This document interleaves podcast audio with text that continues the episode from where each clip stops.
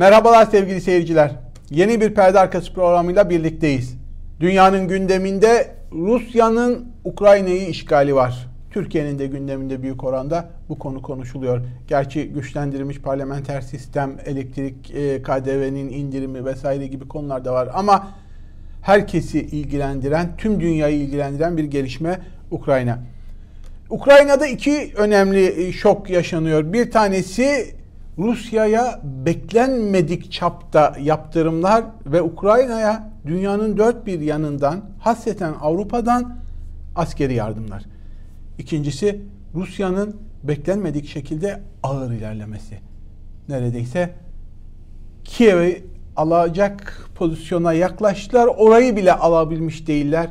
Daha ülkenin kontrolünün %10, %20'sini sağlamış durumdalar. Oysa iki günde Ukrayna'nın düşeceğini hesap ediyorlardı. Daha önemlisi şu. Yaşanan gelişmeler Soğuk Savaş sonrası hatta İkinci Dünya Savaşı sonrası kurulan düzeni statükoyu deprem etkisiyle fay hatlarıyla kırdı. Kırılma çok büyük. Sismik bir deprem gibi düşünün. Öncü şoklar, büyük dalga, artçı şoklar ve bu dalgaların, bu öncü ve artçı şokların dinmesi, yeni fay hatlarına göre yeni statükonun oluşması hayli zaman alacak.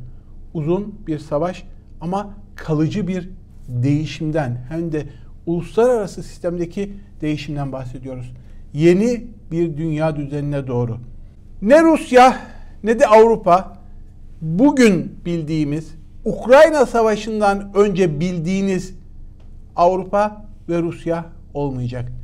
Türkiye'de tabii ki bundan fazlasıyla etkilenecek. Şimdi gelelim en önemli konuya.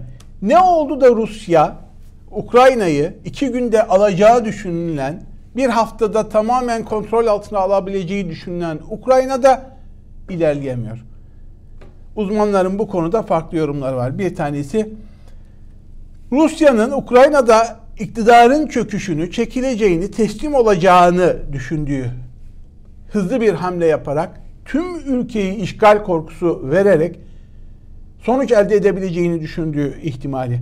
Bu olmadı. Hatta ters tepti.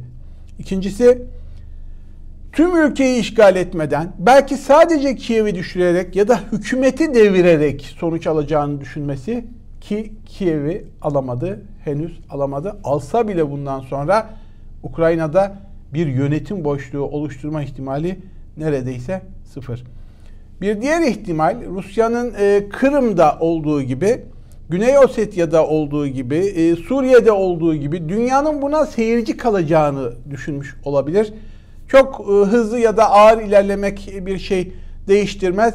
Gireriz zaman içerisinde e, alacağız. Zaten dünyada bizi e, seyredecek. Bir tarafı doğalgazla bağlamış durumdayız. Bir tarafta silah gücümüz ortada. Biz Rusya'yız aşırı özgüveni ya da düşmanı küçümsemenin ağır bedelini ödüyorlar şu an. Süreç uzadıkça Rusya daha da sıkışıyor, daha çok can kaybediyor. Buna karşılık Ukrayna direnişi sadece içeriden halkın kilitlenmesiyle değil, dışarıdan da devasa askeri ve teknolojik yardımlarla artık baş edilmez noktaya doğru gidiyor. Rusya'nın özellikle Batı'nın hiç beklemediği ekonomik yaptırımları ve tarafsız İkinci Dünya Savaşı'ndan bu yana tarafsız ülkelerin, pasifist ülkelerin, askeri yönleri geride kalmış batılı ülkelerin bile pozisyon alması karşısında şok yaşadığını çok net söyleyebiliriz. Rusya'nın yurt dışındaki rezervlerinin 630 milyar dolarlık bir rezerve ulaşmışlar. E, bu bir savaş hazırlığı olarak yapılmış. Herhangi bir şok, e, savaşın maliyeti ve uluslararası yaptırımlar, etkili olmayan yaptırımlar karşısında Rusya kendince bir pozisyon almış. Ama bu 630 milyar dolarlık rezervin %40'ı, %27'si Rusya'da, %13'ü Çin'de, %10'u da diğer güvenilir ülkelerde fakat geri gelen, geri kalan %50'si batılı ülkelerde. Japonya, ABD ve Avrupa ülkeleri Rusya Merkez Bankası'na da ambargo uygulayınca işte bu rezervlerin yarısı kullanılamıyor. Rusya'nın 300 milyarın üzerinde bir parası, devlet parasını şu an Rusya kullanamıyor. Daha ötesi Rusya'nın yurt dışındaki varlıklarına uygulanan ambargo. 680 Rus şirketini, 680 Rus e, Rus iş adamının mal varlığı, şirketinin mal varlığı donduruldu. 58'i şirket, 680 kişi oligarklar. Bunlar arasında Rusya'ya, Putin'e yakın olduğu bilinen isimler de var. Ve donduranlar arasında daha ilginci şu, mesela yıllardır kaçak paranın en güvenli limanı olarak bilinen İsviçre bile, İsviçre bile Rus iş adamlarının ve Rusya'nın varlıklarını durdurdu. Bankadaki hesaplarını dondurdu. Her şeyin rengi değişmeye başlıyor. İkincisi çok büyük uluslararası şirketler mesela British Petrol, Shell gibi, Mercedes ve Volvo gibi firmalar Rusya'daki ortaklıklarına son veriyorlar. Hem de çok ciddi maddi kayıpları göze alarak işte Shell'in 3 milyar e, BP'nin 25 milyar dolar gibi çok büyük bir ortaklıktan çekileceği, Mercedes ve Volvo'nun traktör fabrikası dahil Rusya'daki yatırımlarından çekildiği ve bunun bu silsilenin artarak devam edeceği düşünülüyor. Şimdi böyle olunca, böyle ciddi yaptırımlarla karşı karşıya kalınca Rus rublesi yüzde 30'un üzerinde, yüzde 35'e varan oranda, üçte bir oranında değer kaybetti. Rusya'nın 2010'dan bu yana son 12 yıldaki parasının değerinin kaybı yüzde 400 yani 4 kat değerini yitirmiş durumda. Bu son savaşta rublenin geldiği nokta daha başlangıç gibi duruyor. Ruble erimeye devam edecek. Rusya hem yurt dışındaki varlıklarına konulan blokelerden dolayı hem ekonomik yaptırımlardan dolayı ihracat gelirlerinin, ithalat gelirlerinin düşmesinden dolayı çok ciddi kayıplar yaşayacak duruyor.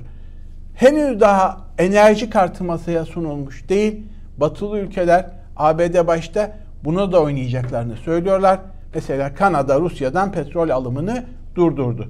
Şu an kış şartları olduğu için doğalgazla ilgili adım atmıyorlar özellikle ama bir süre sonra petrol ve doğalgazla ilgili adımlar da atıldığında Rusya'nın gelirlerinin %50'sini Rus ekonomisinin %50 oranında petrol ve doğalgaz ihracatına bağımlı olduğu düşünülürse ve zaten Sivis'le Rusya'ya para transferinin yapılmasının engellenmesinden dolayı Rusya'nın çok ciddi sıkıntılar yaşayacağı düşünülüyor. Ekonomik olarak Rusya'da çöküşün hızlanacağı ve fakirleşmenin hızlanacağı düşünülüyor. Şimdi tüm bunları alt alta koyduğunuzda Batı şu an adeta vesayet savaşı yapıyor Rusya ile. Vesayet savaşından kastım ülkelerin direkt olarak savaşa girmeden işte Suriye'de Türkiye'nin yaptığı gibi, Libya'da Türkiye'nin yaptığı gibi, Libya'da e, Rusya'nın yaptığı gibi, Amerika'nın Afganistan'da, Irak'ta yaptığı gibi direkt devlet olarak sahada yer almayıp güçleri destekleyerek onlar üzerinden savaş yürütmek. Ne Avrupa ülkeleri ne de ABD, ABD bu konuda çok çok hassas davranıyor. Sahaya inmiyor. İnmeyeceklerini, asker göndermeyeceklerini söylüyorlar. Ama Ukrayna'yı, Ukrayna ordusunu, Ukrayna halkını adeta bu savaşta Rusya'ya geri adım attırmak için bir vesayet savaşına doğru itiyorlar. Hedef Ukrayna'nın Rusya için Sovyetler Birliği'nin Afganistan'da yaşadığı çöküntüyü Ukrayna'da Rusya'ya yaşatmak. Rusya'ya çok ciddi bir ders verme peşindeler Ukrayna üzerinden. Sebepleri var, korkuları var. Bunları e, biliyoruz. Hasaten e, NATO'nun e, ya karşı yapılmış gibi duran bu savaşta, Rusya'nın başlattığı bu savaşta kullandığı dil ve yaptığı hatalar bu korkuları besledi. E, adeta herkesi Rusya karşısı kampta yer almaya zorladı Avrupa'da. Nedir bu hatalar isterseniz Putin'in altı büyük hatası süreç içerisinde nedir? Bu altı büyük hata özetle üstünden geçmeye çalışalım. Bir tanesi Rusların azınlıkta yaşadığı Lugansk ve e, Donbas diye bildiğimiz Donetsk bölgesiyle sınırlı kalacakmış gibi bir algı oluşturdu ve buraya insani yardım vesaire adı altında işte bunların haklarını koruyacağım dedi. Temel beklenti Rusya Lugansk ve Donetsk'te zaten ayrılıkçıların kontrolündeki bölgede Rusya sınırındaki bölgede bir işgale yeltenebilir. Ama öyle olmadı. Rusya Kiev dahil Kırım'ın kuzeyi dahil Rusya'ya, Ukrayna'ya 6 farklı cepheden girmeye çalıştı ve şu ana kadar da beklediği hızda bir ilerleme sağlamış durumda değil. Şimdi Rusya'nın hatalarından bir tanesi Lugansk ve Donetsk'le sınırlı kalmayıp tüm Ukrayna'ya saldırması. Putin'in en büyük hatalarından biriydi. İkincisi Blitzkrieg dediğimiz yıldırım operasyonla yani altı cepheden saldırıp o altı e, hattı birleştirip Ukrayna'yı bilip parça parça kontrol altına almayı planlıyordu. Hiçbir cephede istediği ilerlemeyi yakalayabilmiş değil. Biraz Ukrayna direnişinin bunda etkisi var. Biraz Rus ordusunun tam kapasitesini kullanmamasının da etkisi var. Uzmanlar burada ciddi bir uyarı yapıyorlar. Rusya şu aşamadan sonra klasik Rus savaş taktiğine dönecek. Bu da şu demek. Direniş olan her yeri ağır bombardımandan geçirmek. Grozny'de olduğu gibi, işte e, Suriye'de e, yaptığı gibi. Ağır hava bombardımanından geçirdikten sonra birlikleri hızlı bir şekilde içeri sokmak. Şayet yine direniş varsa onları geri çekip daha ağır bombardıman yapmak. Bu şu demek. Sadece askerleri değil, direnişçileri değil, yerleşim yerleri olması itibariyle sivillerin de ölümü demek. Daha fazla sivil ve can kaybı demek. Bu Rusya'nın stratejisi açısından sonuç verebilir ama batıda ve dünyadaki Rusya'ya karşı tepkileri çok çok daha büyütecek ve haklılık kazandırmaya devam edecek. Rusya'nın ikinci büyük hatası. Üçüncüsü hemen daha başlangıçta İsveç ve Finlandiya'yı da ya da Ukrayna'ya silah desteği sağlayacak bütün ülkeleri suçladı ve onları tehdit etti. Finlandiya ve İsveç'in NATO'ya giremeyeceklerini söyledi. Oysa ne Finlandiya ne İsveç Ukrayna eski Sovyetler Birliği toprağı değil. Putin'in nerede duracağı gözünün hedefinin daha farklı olduğu algısını besledi. Putin'in bütün Avrupa'yı tehdit ettiği korkusunu pekiştiren açıklamalardı bunlar. Ve şimdi bugün Finlandiya Meclisi NATO'ya tam üye olmayı görüşmek üzere toplanacak. Düşünün bunca yıldır 1945'ten bu yana, 50'den bu yana, 2. Dünya Savaşı'ndan bu yana tarafsız ve silahsız kalmışlar Rusya'ya karşı. Bu ülkeleri tehdit ederek onların da Avrupa safında NATO'da birleşmesini sağladı. Bir taraftan e, Putin'in bir diğer hatası bir taraftan NATO'nun yayılmacılığından bahsedip şikayet edip silahlandırmasından şikayet edip bir taraftan bağımsız ülkeleri tehdit etmesi olduğu kadar son bir hamle yaptı ve Belarus'un silahsızlanma, nükleer silahtan arınmış politikasını meclis kararıyla değiştirtip Belarus'a nükleer silah yerleştireceğini açıkladı. Yani sen bir taraftan NATO'nun Rusya sınırlarına silah yığmasından şikayet ediyorsun. Bundan dolayı Ukrayna'yı işgal ediyorum ben diyorsun. NATO üyesi olmayan ve henüz hiçbir silah yerleştirilmemiş Ukrayna'yı işgal edip Belarus'a nükleer silah yerleştireceğini açıklıyorsun. Avrupa'daki korkuları ve NATO şemsiyesi altında ortak savunma ve güvenlik arayışını hızlandırdı. Düşmansız kalan NATO'yu, atıl duruma kalan NATO'yu, hatta artık NATO dağılsın denilecek noktaya gelmiş.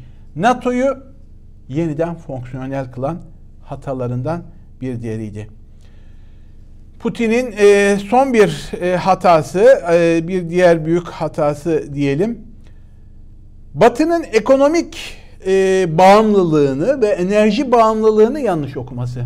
Putin özellikle Almanya'nın e, yine e, Bulgaristan ve Polonya'nın çok büyük oranda yüzde 60 ve üzeri oranda doğal gaz bağımlısı olmasını o ülkelerdeki yatırımları, o ülkelerin kendi ülkesindeki yatırımlarını yanlış değerlendirip işgal bile etse bu ülkelerin kendisine cephe alamayacağını düşündü. Oysa hiç de öyle olmadı. Tam tersi bir şey oldu. Almanya Nord Stream 2 diye bilinen Baltık Denizi'nin altından gelen 11 milyar dolar harcanmış Nord Stream 2 doğalgaz boru hattını askıya aldı. Yetmedi.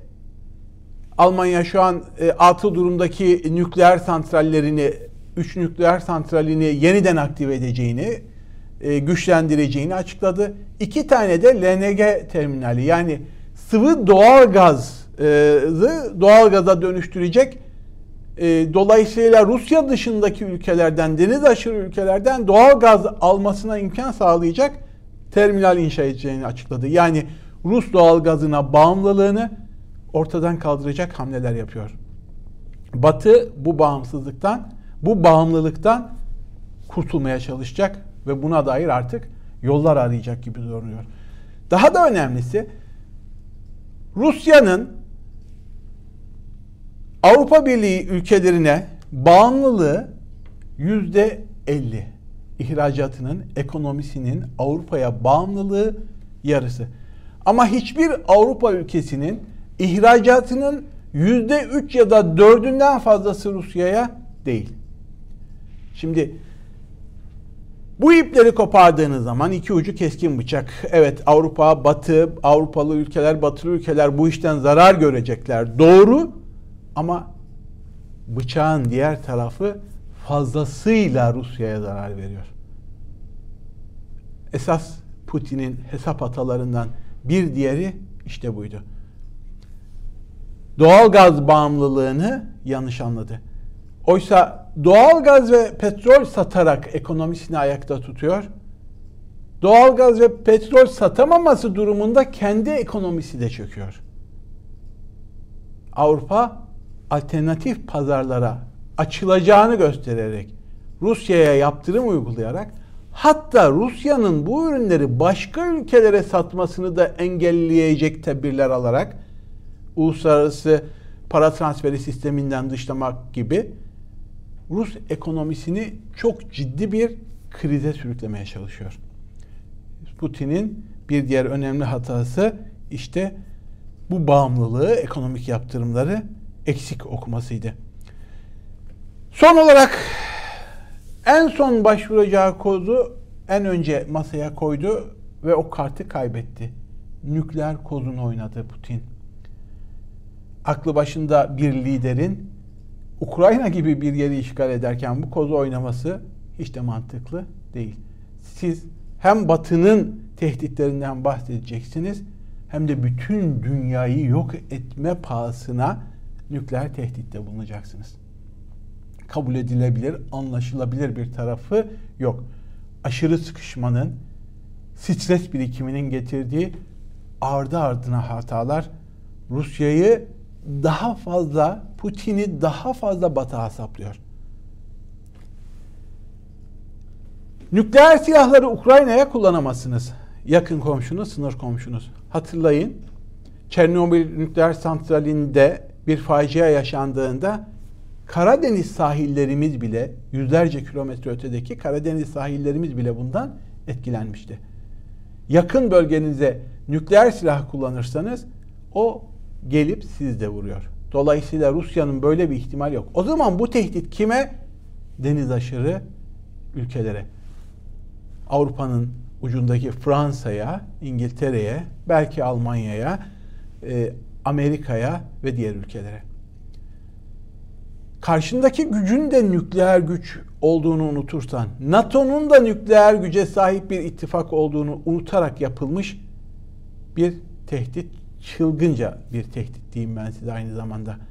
Buna Rusya içinden de tepkilerin yükseleceği hatta Putin'e içeriden ciddi engellemeler çıkabileceği tehlikeli bir kartla oynadı. Putin bence altıncı büyük hatası işte buydu.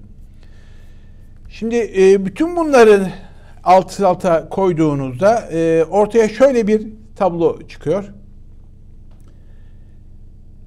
Beyaz ayı Rusya beyaz ayı olarak biliniyor. Beyaz ayının pençesine kan bulaştı. Dişlerinde artık kan var. Eskiye dönülmesi imkansız. Nerede duracağı belli olmayan, güven duyulmadığı için NATO'nun sürekli genişlemeye çalıştığı biliniyordu ve haklı çıktılar. Rusya'ya güvenmeyenler, Rusya'yı tehdit olanlara, tehdit olarak görenleri haklı çıkardı. Putin ardı, ardı ardına yaptığı bu hatalı hamlelerle. Sonuçta NATO kilitlendi. Hatta büyüme yoluna doğru gidiyor. Ana sorumluluğu Avrupa üstlendi. Zira Ukrayna'nın işgalini Polonya'nın işgaline benzetiyor.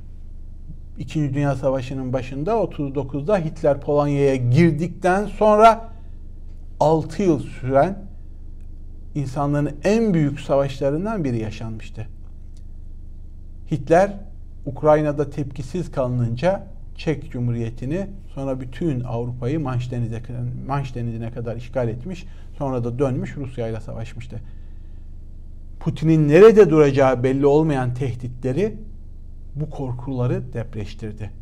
Putin Ukrayna'yı alırsa Polonya'ya, Bulgaristan'a, eski Sovyetler Birliği topraklarına ya da Avrupa'nın diğer ülkelerine, Finlandiya'ya, İsveç'e tehditler savurmaya başlayınca işin rengi değişti. Putin sadece destek kaybetmedi, karşı bloğu kenetledi, birleştirdi. Sonuçta ne oldu? Avrupa Konseyi tarihinde ilk defa bir üyesinin üyeliğini askıya aldı. NATO tarihinde ilk defa Doğu cephesine teyakkuzla yeni birlikler sevki kararı verdi. Birinci derecede e, birliklerini teyakkuza geçirdi ve oraya sevk etti. İlk defa yaşandığı söyleniyor. Avrupa Birliği tarihinde ilk defa silahlı yardım kararı aldı ve bu silahlı yardımı finanse edeceğini, Ukrayna'ya silahlı yardımları finanse edeceğini açıkladı. Ve dahası oldu. NATO kararı ve Avrupa Birliği'nin bu kararının ardından bu Polonya elindeki 28 MiG-29 Rus tipi uçak e, MiG-29'u, Bulgaristan elindeki 16 MiG-29'u, Slovakya elindeki 14 MiG-29'u toplamda 70 savaş uçağını Ukrayna'ya sevk kararı aldılar. Ukrayna'ya sevk edilecek uçaklar Rus tipi uçaklar olduğu için Ukrayna pilotlarının da kullanabileceği uçaklar. Daha ötesi Almanya yıllardır pasifist halinden vazgeçti. İkinci Dünya Savaşı'ndan sonra askeri olarak arındırılmış Almanya inanılmaz bir şekilde sert bir tavır aldı ve savunma bütçesini 100 milyar dolara çıkardı bu yıl için. Yüzde iki buçuğuna e, gayri safi milli hasılasının tekabül ediyor ama Türkiye'nin toplam savunma harcamalarından neredeyse 10 kat fazla. Almanya bununla da kalmadı. Savaş uçaklarını keşif amaçlı e, Ukrayna sınırına gönderdi. Yani istihbarat desteği vereceğini gösterdi. Tornado uçağı ve keşif uçaklarını. Stinger füzeleri yani yerden havaya atılan e, uçakları ve helikopterleri düşürmeye yarayan o basit e, gibi görünen ama kullanımı basit e, teknolojiyi bizzat göndereceğini açıkladı. Amerika sahaya inmeyeceğini çok net olarak söylüyor ama Stinger füzesi dahil askeri yardımları bizatihi Ukrayna'ya teslim edeceğini açıkladı ve 6,5 milyar dolarlık Ukrayna Savaşı'na destek bütçesi geçirdi. Bu çok büyük bir para. Sadece bu mu? Biraz önce konuştuk. Finlandiya, Norveç ve İsveç. Almanya da buna dahildi. Çatışan bölgelere öldürücü silah satışını, yardımını askıya almışlardı. İkinci Dünya Savaşı'ndan 1950'lerden bu yana hiçbir ülkeye böyle bir yardım yapmamışlar. Ama bunu bozdular Rus tehdidi karşısında. Finlandiya, İsveç, Norveç direkt silah yardımı yapma ve direkt öldürücü silahlarda dahil Ukrayna'ya verme kararı aldı. Dedim ya fay hatları kırıldı. Sismik bir deprem yaşıyoruz. Ukrayna'nın işgali o ilk bombanın etkisi sanıldığından çok çok fazla. Yeni bir dünya düzeni, yeni bir düzen kuruluyor. Bu düzende Türkiye'yi de etkileyecek.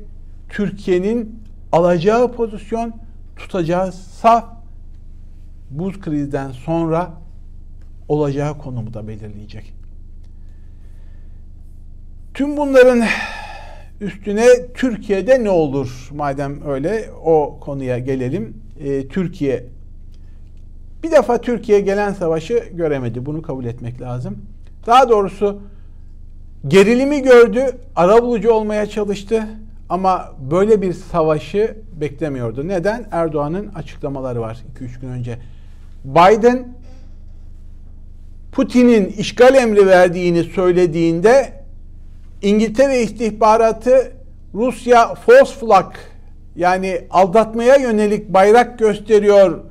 Ee, Lugansk'ta ayrılıkçılara yönelik Ukrayna'nın soykırım yaptığı iddiası gerçek değil. Bunu işgal için kullanacak işgal planı yaptı derken Erdoğan Ukrayna ile Rusya arasında böyle bir savaş beklemediğini söylüyordu gazetecilere.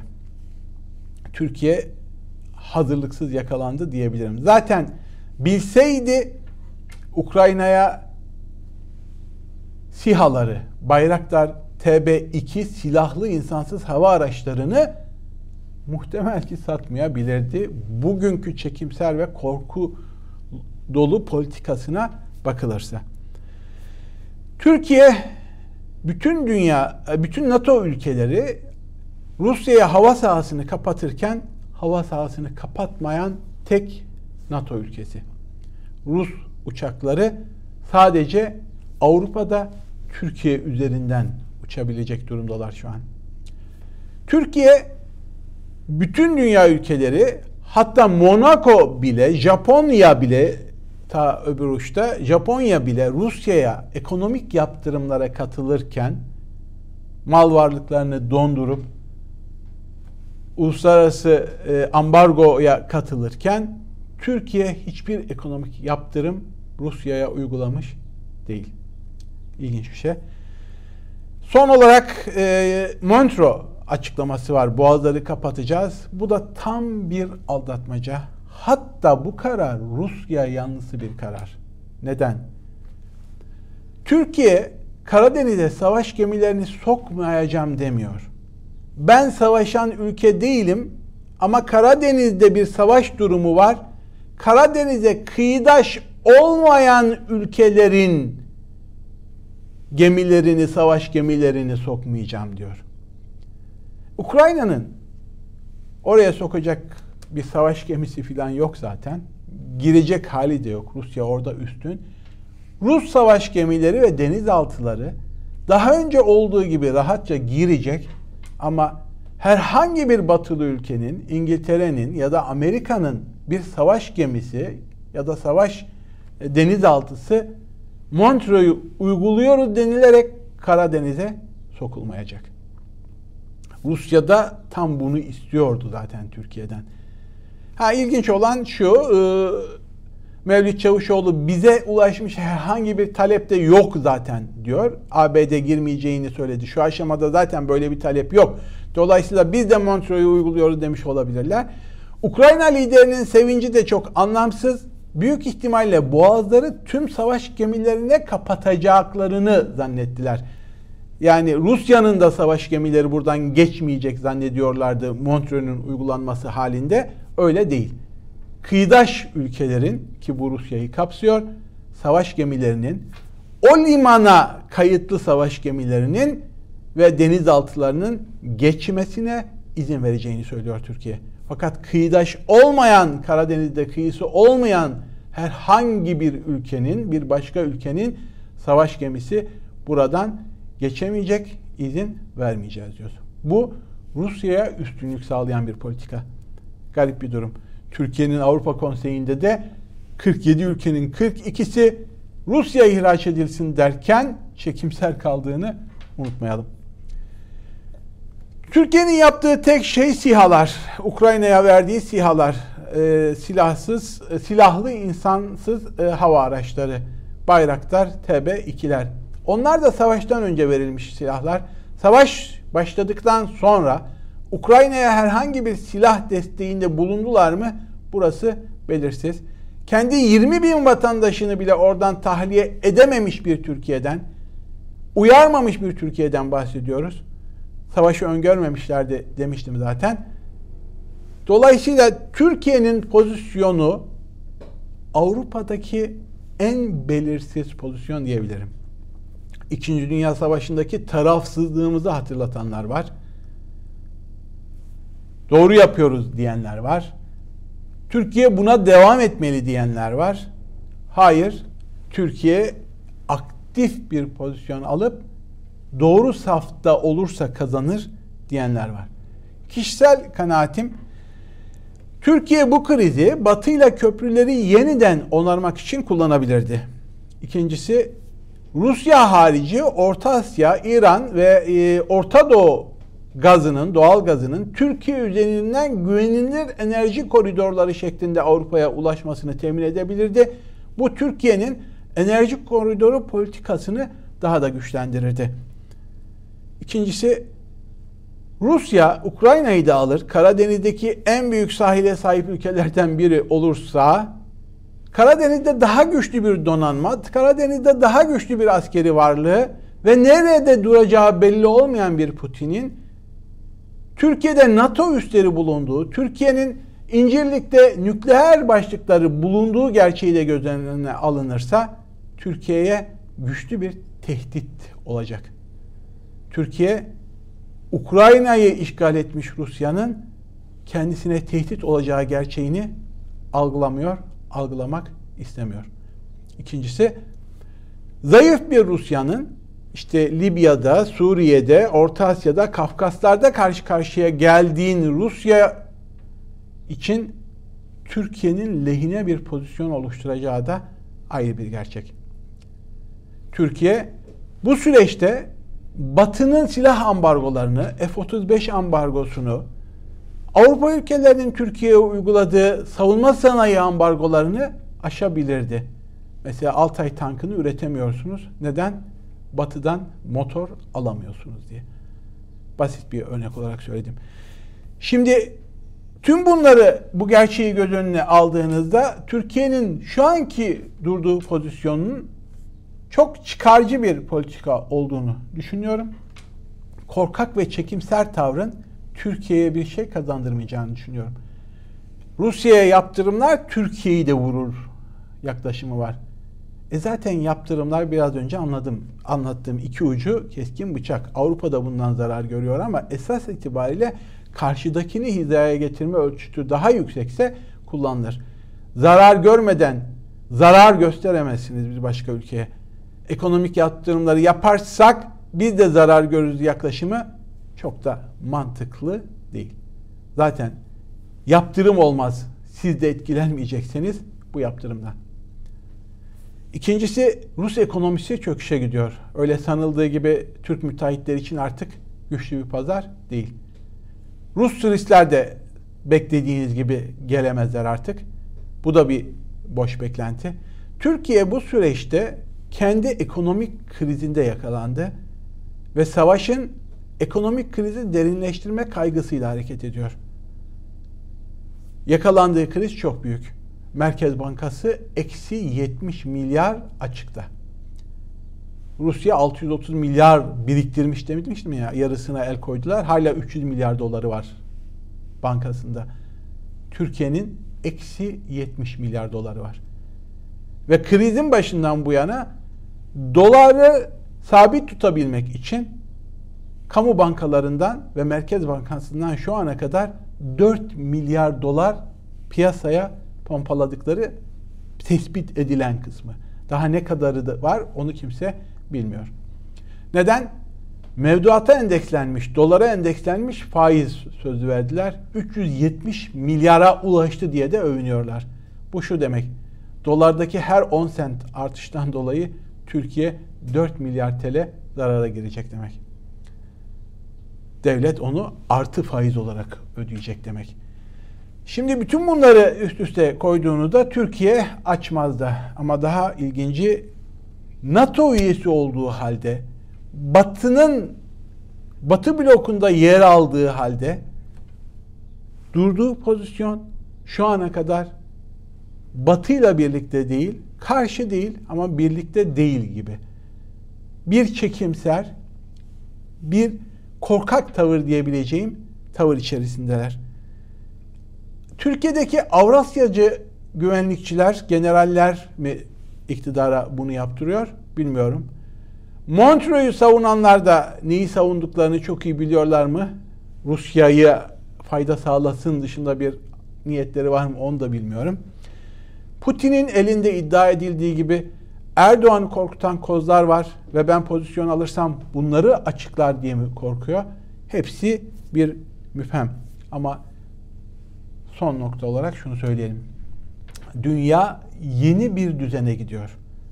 Bu yeni düzende, bu tarihi virajda Türkiye'nin kazanan tarafta olması ya da yaşanan süreci lehine çevirecek hamleler yapması gerekiyor.